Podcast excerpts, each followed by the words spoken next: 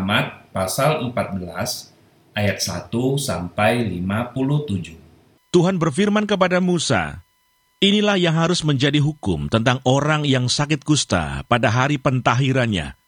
Ia harus dibawa kepada imam, dan imam harus pergi keluar perkemahan.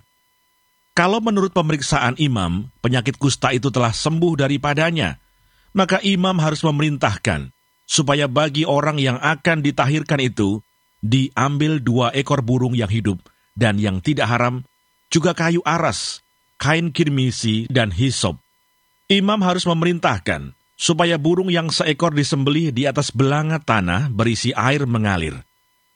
Tetapi burung yang masih hidup haruslah diambilnya bersama-sama dengan kayu aras, kain kirmisi, dan hisop, lalu bersama-sama dengan burung itu.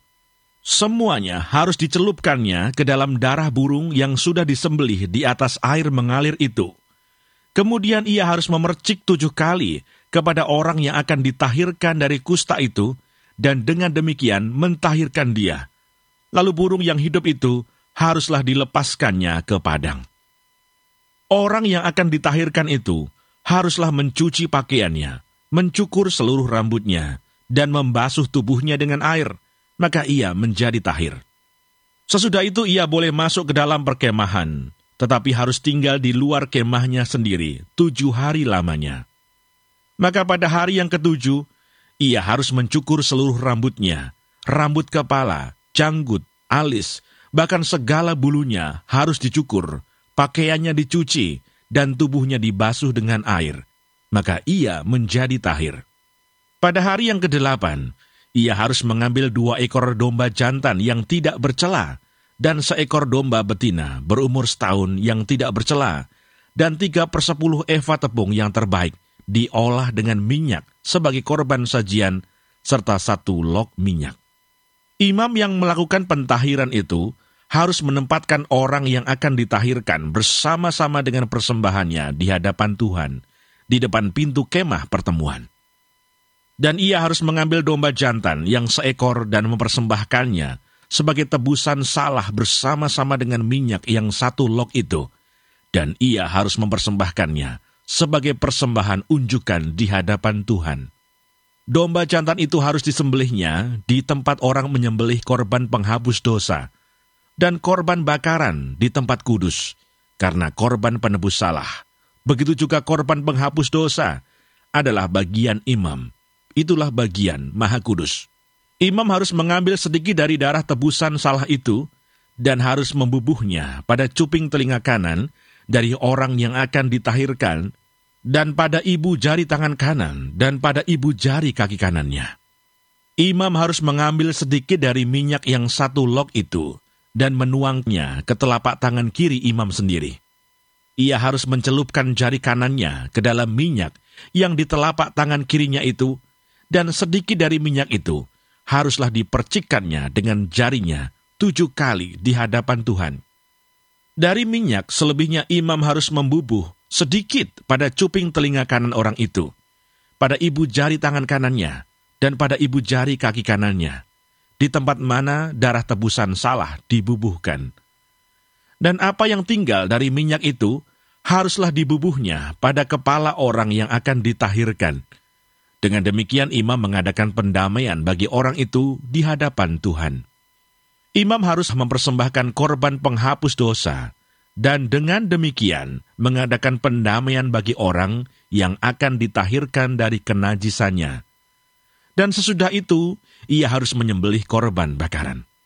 Kemudian imam harus mempersembahkan korban bakaran dan korban sajian di atas mesbah. Dengan demikian imam mengadakan pendamaian bagi orang itu, maka ia menjadi tahir. Tetapi jika orang itu miskin dan tidak mampu, ia harus mengambil domba jantan seekor saja sebagai tebusan salah untuk persembahan unjukan, supaya diadakan pendamaian bagi orang itu, juga sepersepuluh eva tepung yang terbaik, diolah dengan minyak untuk korban sajian, dan satu lok minyak. Dan lagi dua ekor burung tekukur atau dua ekor burung merpati sekadar kemampuannya, yang seekor harus menjadi korban penghapus dosa, dan yang seekor lagi menjadi korban bakaran. Pada hari yang kedelapan, ia harus membawa semuanya untuk pentahirannya kepada imam ke depan pintu kemah pertemuan di hadapan Tuhan. Kemudian imam harus mengambil domba tebusan salah dan minyak yang satu lok itu, lalu imam harus mempersembahkan semuanya sebagai persembahan unjukan di hadapan Tuhan. Ia harus menyembelih domba tebusan salah, dan imam harus mengambil sedikit dari darah tebusan salah itu dan membubuhnya pada cuping telinga kanan orang itu, dan pada ibu jari tangan kanan dan ibu jari kaki kanannya dan imam harus menuang sedikit dari minyak itu ke telapak tangan kirinya sendiri. Lalu sedikit dari minyak itu haruslah dipercikkan oleh imam dengan jari kanannya tujuh kali di hadapan Tuhan. Kemudian imam harus membubuh sedikit dari minyak itu pada cuping telinga kanan dari orang yang akan ditahirkan, pada ibu jari tangan kanannya dan pada ibu jari kaki kanannya, di tempat mana dibubuhi darah tebusan salah itu dan minyak selebihnya haruslah dibubuhnya pada kepala orang yang akan ditahirkan, supaya diadakan pendamaian bagi orang itu di hadapan Tuhan. Lalu ia harus mempersembahkan seekor dari kedua burung tekukur atau anak burung merpati yang dibawa orang itu sekadar kemampuannya, yang seekor sebagai korban penghapus dosa, dan yang seekor lagi sebagai korban bakaran di samping korban sajian. Dengan demikian imam mengadakan pendamaian bagi orang yang akan ditahirkan di hadapan Tuhan. Itulah hukum tentang pentahiran seorang yang kena kusta yang tidak mampu. Tuhan berfirman kepada Musa dan Harun, Apabila kamu masuk ke tanah kanaan yang akan kuberikan kepadamu menjadi milikmu, dan aku mendatangkan tanda kusta di sebuah rumah di negeri milikmu itu, maka pemilik rumah itu harus datang memberitahukannya kepada imam, ada kelihatan seperti tanda kusta di rumahku. Maka imam harus memerintahkan supaya rumah itu dikosongkan sebelum ia datang memeriksa tanda kusta itu, supaya jangan menjadi najis segala yang ada di dalam rumah itu. Dan sesudah itu, barulah imam datang untuk memeriksanya. Kalau menurut pemeriksaannya, tanda pada dinding rumah itu merupakan lekuk-lekuk yang kehijau-hijauan atau kemerah-merahan warnanya, yang kelihatan lebih dalam dari permukaan dinding itu. Imam harus keluar dari rumah itu, lalu berdiri di depan pintu rumah, dan menutup rumah itu tujuh hari lamanya. Pada hari yang ketujuh, imam harus datang kembali. Kalau menurut pemeriksaannya, tanda kusta itu meluas pada dinding rumah, maka imam harus memerintahkan supaya orang mengungkit batu-batu yang kena tanda itu dan membuangnya keluar kota ke suatu tempat yang najis. Dan ia harus mengikis rumah itu sebelah dalam berkeliling, dan kikisan lepa itu haruslah ditumpahkan keluar kota, ke suatu tempat yang najis. Dan orang harus mengambil batu-batu lain, lalu memasangnya sebagai pengganti batu-batu tadi, dan harus mengambil lepa lain dan melepa rumah itu. Tetapi jikalau tanda itu timbul lagi di dalam rumah itu, sesudah batu-batunya diungkit dan sesudah rumah itu dikikis, bahkan sesudah dilepa lagi, dan kalau imam datang dan menurut pemeriksaannya, tanda itu meluas di dalam rumah, maka kusta ganaslah yang di dalam rumah itu, dan rumah itu najis. Rumah itu haruslah dirombak, yakni batunya, kayunya, dan segala lepa rumah itu. Lalu dibawa semuanya keluar kota ke suatu tempat yang najis.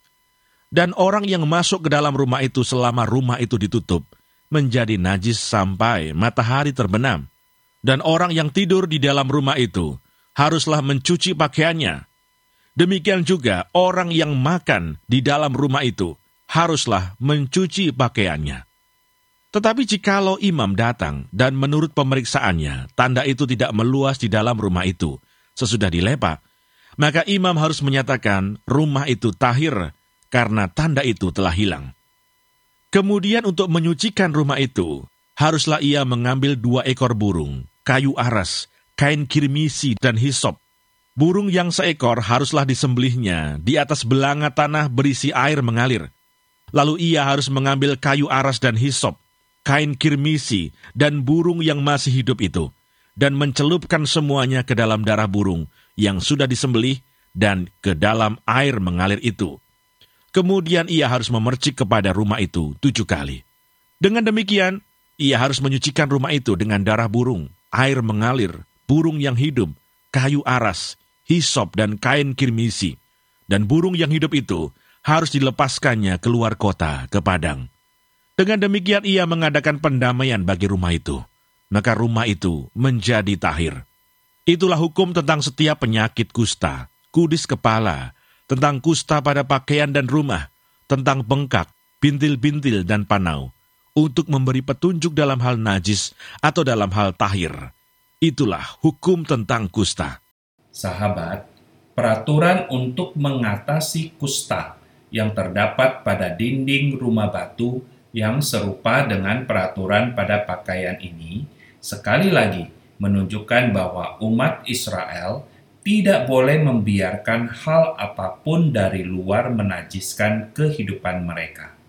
Bahkan, rumah yang merupakan harta berharga bagi sebuah keluarga harus direlakan untuk dibongkar dan dibersihkan demi mencegah penajisan meraja lela. Orang yang ada di dalam rumah yang najis itu dengan sendirinya menjadi najis dan perlu mencuci pakaiannya. Sama seperti orang yang telah sembuh dari penyakit kusta, harus mengikuti proses pentahiran bagi dirinya. Demikian juga orang yang sudah dinyatakan bebas kusta harus mengalami proses pentahiran yang serupa. Tujuannya jelas, supaya rumah itu kembali bersih dan boleh dipakai umat Tuhan sebagai tempat tinggal. Rumah harus bersih dan suci dari kontaminasi kusta. Lebih lagi, rumah tangga kita harus selalu dijaga dari kontaminasi dosa. Proses pembersihannya kadang harus keras, ada yang harus dibongkar, namun selalu ada pemulihan karena Tuhan adalah Maha Pengasih dan Pengampun. Karena itu, sebelum dosa masuk merasuk rumah tangga, lebih baik berjaga-jaga mencegah dengan terus memelihara persekutuan intim dengan Tuhan dan sesama anggota keluarga. Amin.